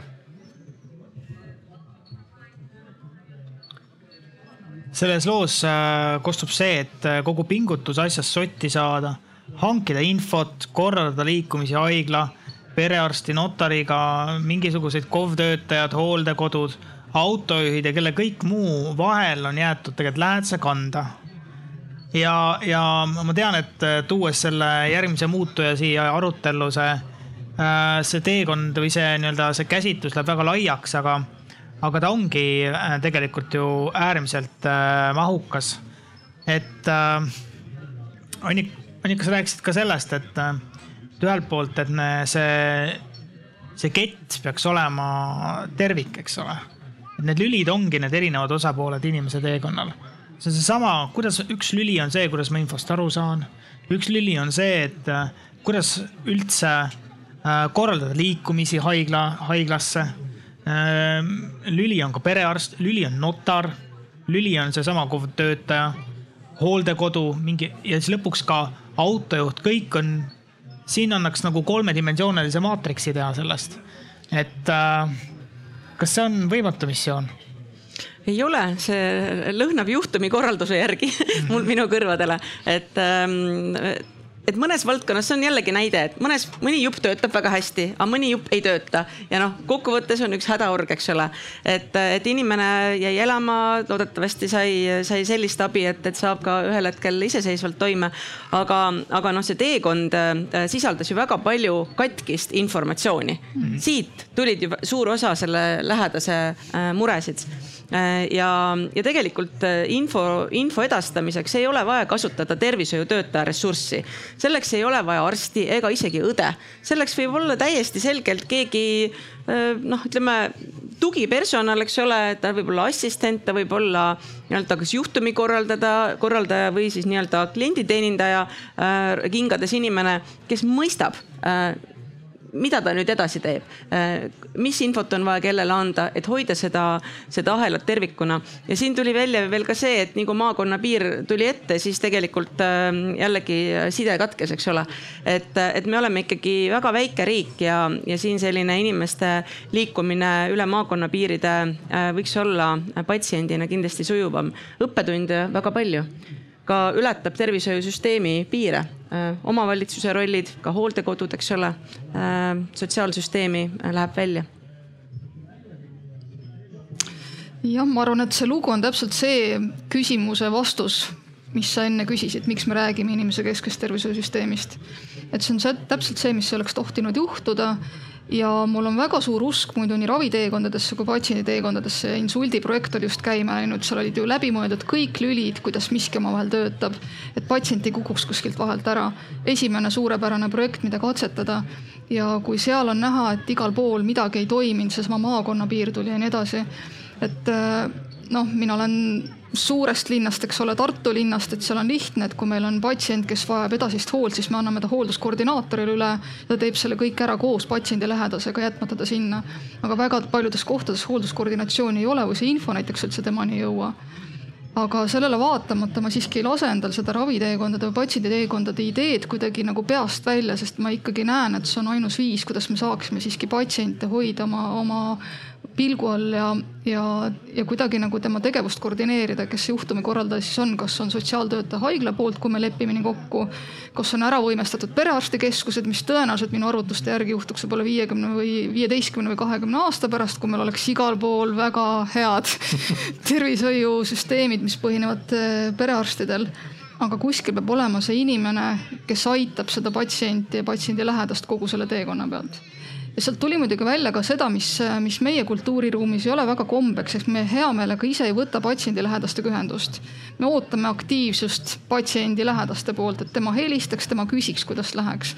et ma arvan, et üks osa kultuuri muutmist on ka see, kus me ise aktiivselt anname märku tervishoiusüsteemist patsiendi lähedastele, kui ta tem-, kuidas tema lähedasel läheb. et selline nagu muutus oleks ka nagu väga paljusid asju ära hoidnud, kuidas see info liiguks paremini sealjuures. mu järgmine küsimus olekski olnud see, et kas patsiendi lähedane ise ka teab, et temalt oodatakse äh, aktiivsust äh,?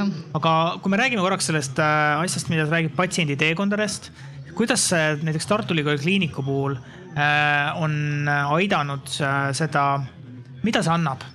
Ühele haiglale, et me teame, me oleme kuulnud ka täna patsiendil teekonna lugusid, eks ole, erinevaid kontaktpunkte, teekonnad, on üksikjuhtumid küll, aga siiski, et mida see aitab tegelikult meil pikas plaanis või lähemas plaanis mm. tegelikult no,? ma arvan, et see mingil määral või suurel määral mõtestab ka meie tööd, sest et äh, meie patsiendi ravi ei lõpe sellest haiglast uksest välja astumisega.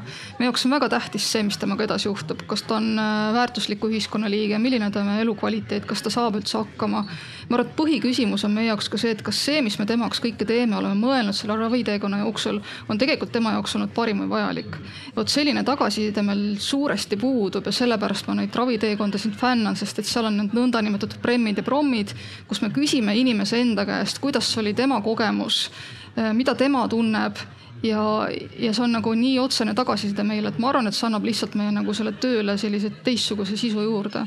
et me teeme seda oma inimeste pärast, mis me teeme.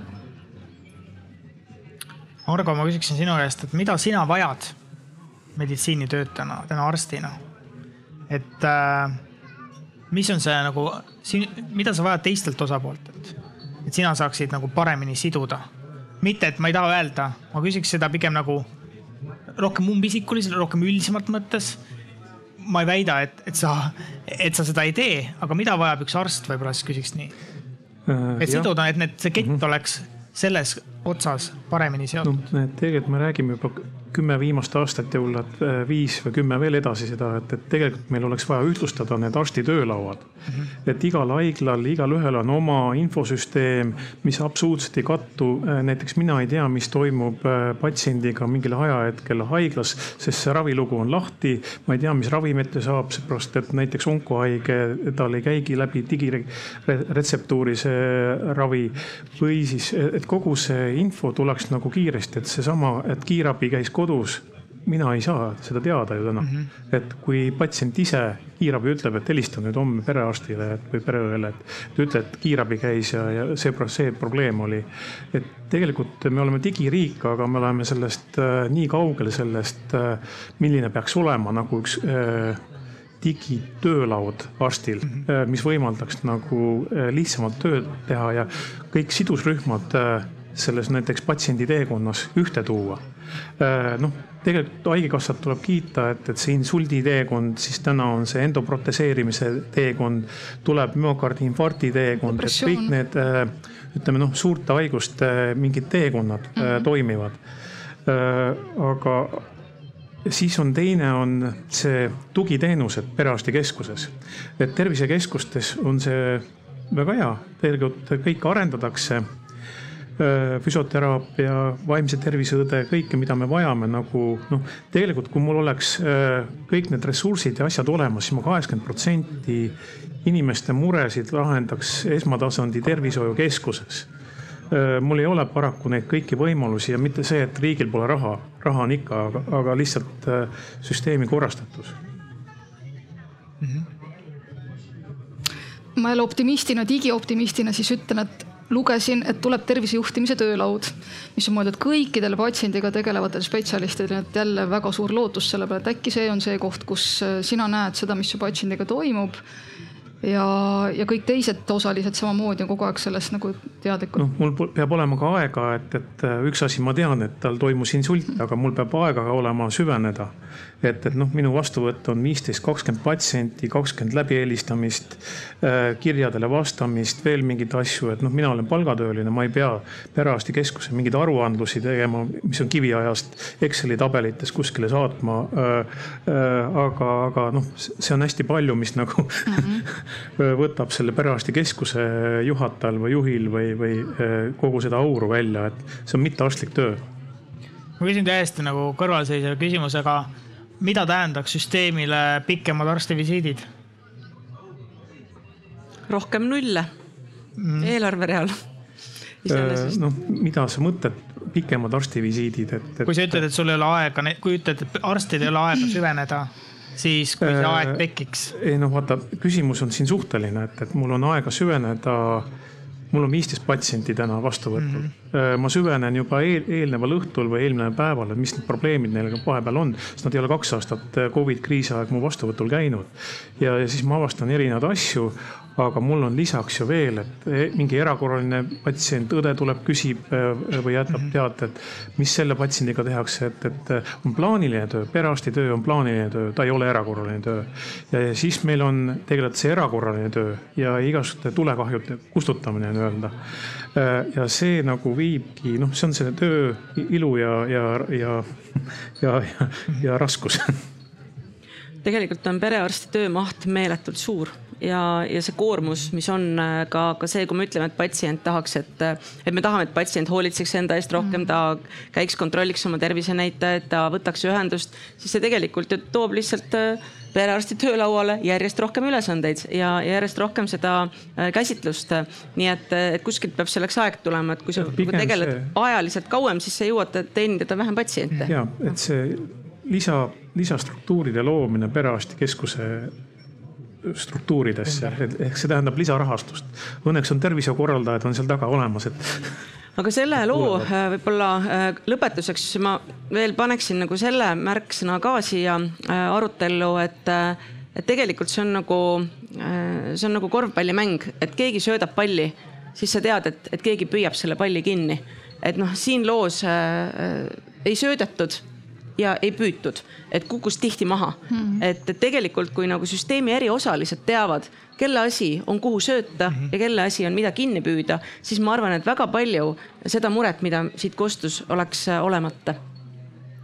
mulle tundub, et äh, tänase arutelu puhul ka, et see kõige parem äh, liim nende lülide vahel ongi, et sa annad selle nii-öelda informatsiooni enda osas edasi, mida sa saad edasi teha.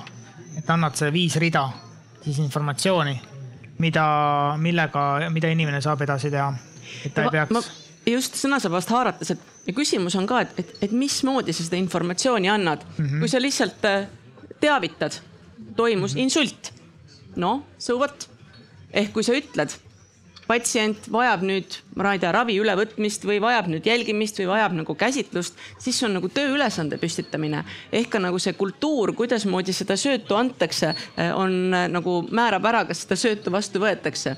et, eh, et ka nagu noh, see on, see on osa äh, mingist kultuurist, äh, äh, kuidasmoodi erinevad ahelad tervikuna, ahela osad tervikuna nagu töötaksid mm. -hmm. me õpime kindlasti, erinevad osapooled õpivad, aga, aga see on see aeg ja vastutus ja see on ka kindlasti see, mida Argo ütles, et sul peab olema seda tugipersonali, kes tegelikult tegeleb nagu pallisöödu koordineerimisega no see on oma arstliku tegevuse delegeerimine või koordineerimine ja no ma mõtlen siin, et missugune on siis hea arst, et eh, noh, hea arst on näiteks doktor Viktor Vassiljev, ta on empaatiline oskab hästi seletada, eh, tal on tuhandeid jälgijaid, kui tal olid veel telesaated, eks ju. ja, ja kuulsad arstid on kõik head suhtlejad, eh, nad panevad patsiendi ennast hästi tundma. Ja, ja nad jagavad piisavalt informatsiooni, et, et patsient saab aru seda, aga, aga paraku reaalses elus meil kõigil ei ole seda aega arstidel, õdedel. arusaadav. me oleme halastamatult ajaga sealmaal ja ma arvan, et see on nagu hea koht, kus kohas tegelikult äh, küsida teilt ka, head kuulajad, et kas teil on mingid küsimused, omad ettepanekud, siin on üks äh, käsi püsti. tutvustage ennast ja siis äh, kellele küsimus läheb ka. aitäh, aitäh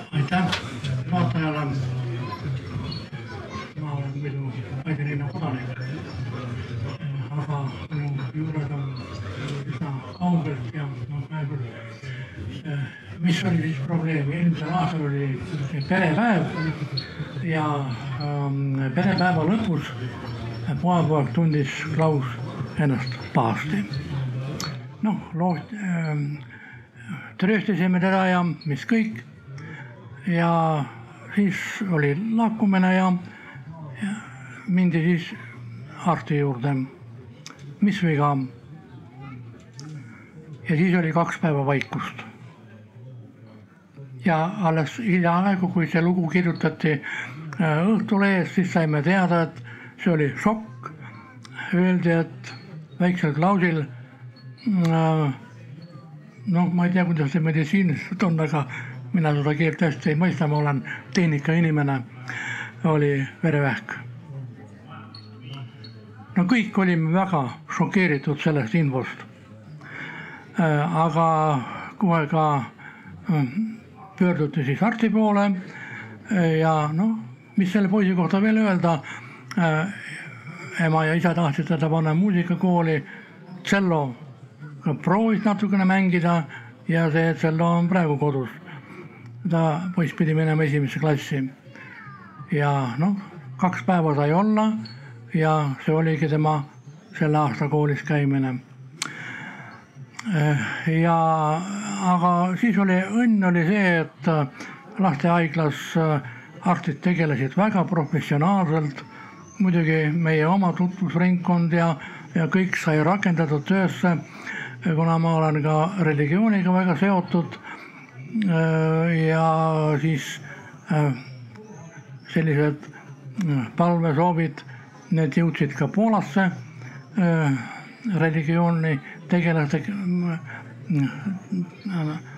ja usun, et sealt tulid ka head vastused.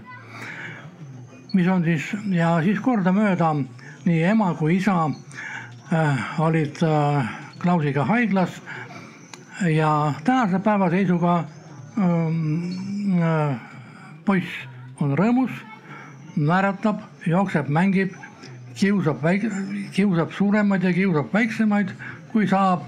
nii et on äh, tore, et on nii korda läinud. see on üks lugu. teine lugu juhtus mu endaga. see oli äh, detsembrikuu äh, alguses, olin katoliku kiriku jumalateenistusel ja no vajusin kokku. ja mm, kuna üks arst oli ka kohal, siis kuidagimoodi tuigerdasin saalist välja ja siis toolide abil ukseni ja sealt autosse ja siis arsti juurde, EMO-sse. noh, jah, ja paari tunni pärast kirjutati EMO-st välja, et pole häda midagi. no aga pilt oli selge, et siin on midagi korrast ära ja seejärel kutsuti siis kiirabi kohale poja näol Tallinnast ja eh, mind viidi siis paari tunni pärast Tallinnasse. esialgu eh, Tallinnas mina, ma ei jaga seda rida seal ühes targas EMO-s. noh, mis teil on, kes teid saatis siia, teil pole üldse kutsutud, teil pole üldse haigustki. ja mis te tulete siia üldse meid segama no lõpuks ikkagi võeti mind vastu ja siis kuulati, mõõdeti, kaaluti. Ja paari tunni pärast saadeti jälle välja, et noh jah, meie ei saa teid aidata, teil pole üldse haige. ja aga siis oli juba kontakt olemas ja äh, poeg võttis siis oma poole, andis sööma ja hommikul helistasin kiirabi välja, poiss helistas välja. noh, seda juba oodati, juba teati, et ma tulen ja kiirabi tuli väga ruttu kohale, mingisuguse kümme-viieteist minutiga. ja seejärel, kui oli vastu võetud, viidi haiglasse ja siis sain ka varsti diagnoosi teada. insult, pea-aju infarkt. ja noh, ma ei osanud sellega midagi teha. aga noh, siis olid seal oskuslikud tegelased ja nad torkisid mind küll kõhu pealt ja igalt poolt ja võeti verd ja, ja mida kõike. Ja seejärel äh, saadeti mind teise haiglasse. ja seal siis tulid terapeudid ja logopeedid ja kes siis kõik siis külastasid ja targad soovitused olid. Äh, et äh, noh, mul juba enne oli natukene kõnehäire ka ja siis, et noh, pärast insulti võib see asi hullemaks minna. ja eriti logopeed siis väga tõsiselt minuga tegeles ja annab mulle siis kirjalikult harjutused, mida ma pean tegema näolihastele. ja ma loen neid harjutusi ja püüan siis kõike järgi teha ja korraga avastan nad appi. siin on üks tuttav rida, et see on kooriharjutuse hääleseade. oli ühe rea peale kirja pandud. no see oli siis kahetähelised silbid, mida oli vaja, vaja siis erinevalt hääldada Äh, ja siis ma palatikaaslase käest küsin, kas ma võin nüüd äh, häält natukene teha selle paberi järgi ja ta lubas ja, ja pärast ma küsisin koridorilt käest, õdede käest, et kas ma tohin siin natukene häält harjutada. ja noh, nii nagu te kuulete, on kõik hästi läinud ja, ja see oli tõesti kõigile teistele ka julgestuseks, kui selline asi peaks juhtuma, siis noh, tore mi fa sol, ega ma kõrgemale tegelikult ei oskagi, aga sellest piisas. Ja selle muusikahelidega häälepaelad kuidagi teistmoodi seal toimetavad meie sees ja noh, ma sain sellest abi. Mm. ja pärast siis, kui veel kuhugi viidi, siis seal juba oldi juba teati, et äh, see mees te tõsiselt tegeleb raviga. Ja äh, noh, arstidel oli hea meel et ma olin väga aktiivne, kasutasin võimalusi. näiteks koridori peal olid seina küljes toed. ja noh, oli mul tugiraam, millega ma kõndisin ja proovisin toas, et tualetti minna ja appikene küll, ma seisin püsti ja ei kukkunudki pikali tead ja, ja pärast läksin siis koridori ja jätsin, unustasin selle tugiraami sinna algusesse, kus ma alustasin ja nii hakkasin ma kõndima ja pidev, pidevalt siis, kui kedagi teist ei olnud, siis mind ikka nähti seal selle pika viiekümne või kuuekümne meetri pikkuses koridoris. nii et äh, see oli nüüd äh, selline positiivne ja nagu te võite ja. näha, äh, seisan ma täna normaalselt, ei, ei, ei hoiagi kusagilt kinni ja aitäh. Mul on hea meel, et lõpuks ma sattusin selliste Äh, inimeste kätte või arstide kätte, kes äh, oskasid näha viga ja ravisid ja andsid ka õige diagnoosi. ja siis noh, loomulikult varasem aktiivne elu, see aitas siis loomulikult nendest kõnehäiretest ja kõigist jagu saada. Äh, ja mul on sellepärast hea meel ja ma julgustan teisi ka et äh, kasutage neid võimalusi julgelt, kui te haiglasse sattuge, ärge kartke äh, kui keegi midagi ütleb või tahab küsida või teha. ja kui on vaja ka hääleharjutust teha, no tehke hääleharjutus ära, pole vaja seda klaveriheli sinna kõrvale. Ma oleks muidugi seda ka tahtnud, aga sellist võimalust ei olnud, nii et, nii et äh, noh, ega ma väga valesti ei laula, aga ega ma päris õigesti ka ei laula aitäh teile. aitäh, aitäh selle loo eest. aitäh -hmm. arstidele. et kindlasti on meil äh, loomulikult on meil palju positiivseid äh, kogemusi meil kõigil arstidega. kas äh, kellelgi on ka küsimus meie panelistidele või mõni mõte kuskil taga oli jah mm -hmm.? jah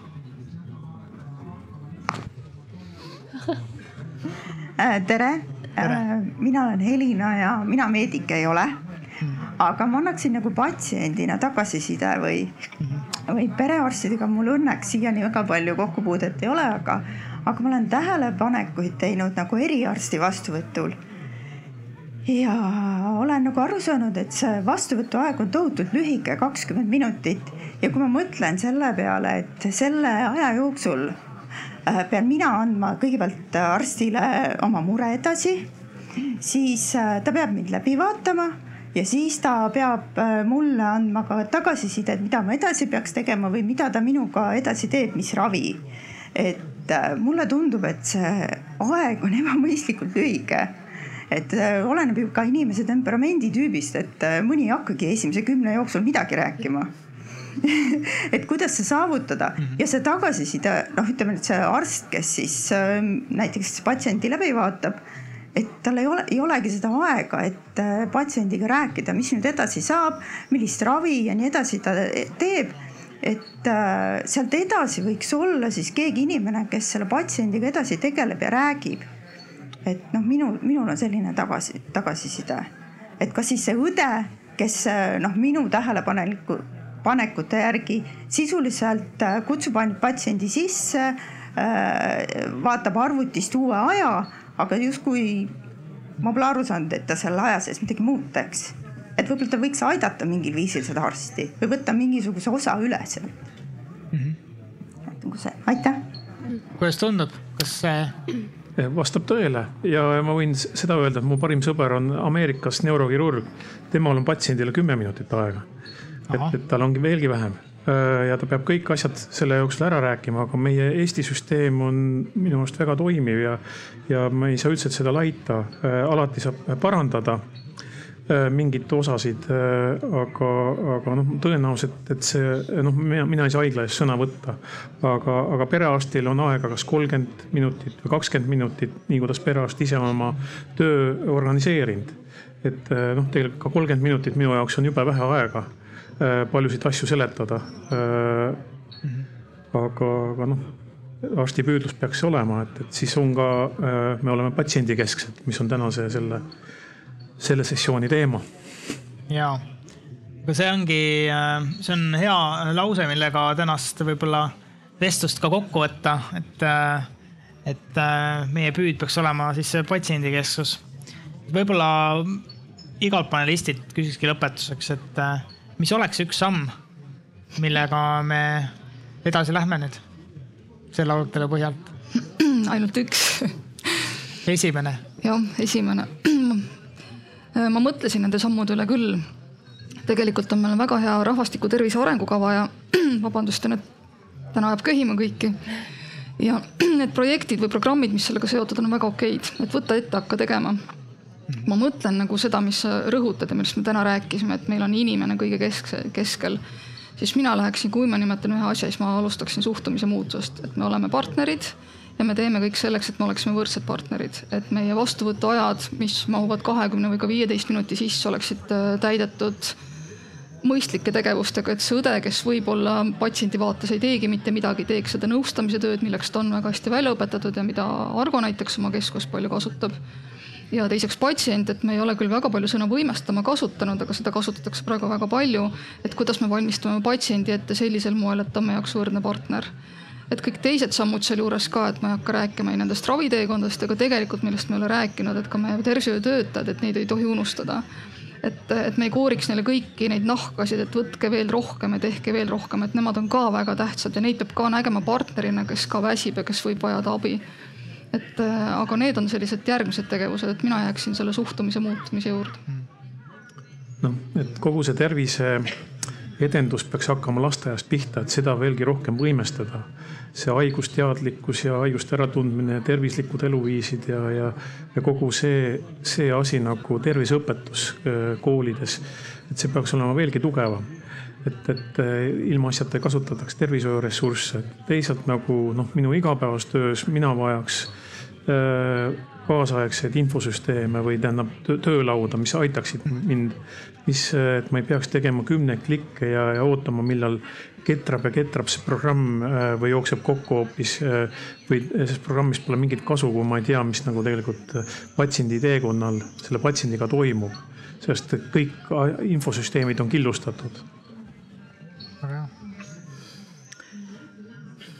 mina vaatan seda küsimust läbi, läbi siis tervishoiuteenuse osutaja pilgu ja mina ja mu kolleegid tuleme iga päev tööle teadmisega, et meil on ainult üks ülemus, see on patsient. kõigil meil.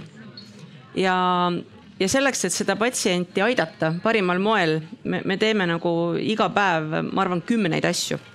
ja võib-olla nagu selleks, et, et nagu aimu anda, mis seal vorstivabrikus siis toimub, nimega kliinik, eks ole, mida siis nüüd peale arstide ja õdede keegi veel teeb selleks, et see patsiendi teekond õnnestuks.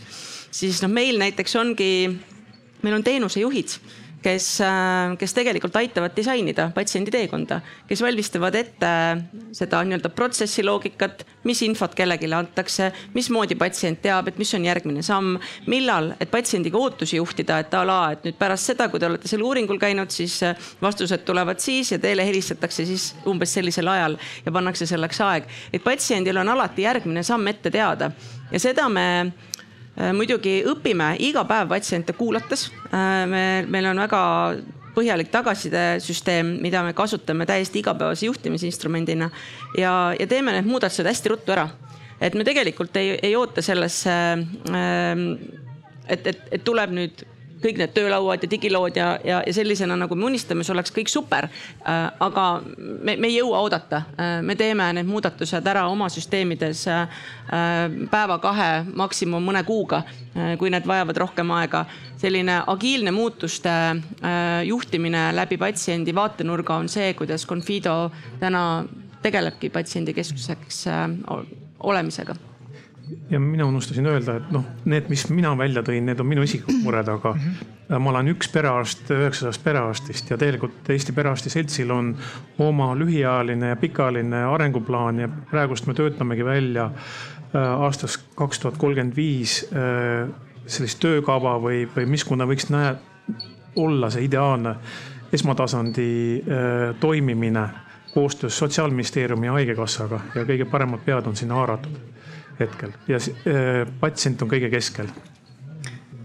suur aitäh meie panelistidele, suur aitäh meie äh, näitlejatele nende lugude eest ja suur tänu teile, äh, head kuulajad, kes te olete kohale tulnud ja veebi vahendusel. et äh, sellega me tõmbamegi tänase arutelu kokku. aplaus ka palun. aitäh. selge see, et ega kõike teha.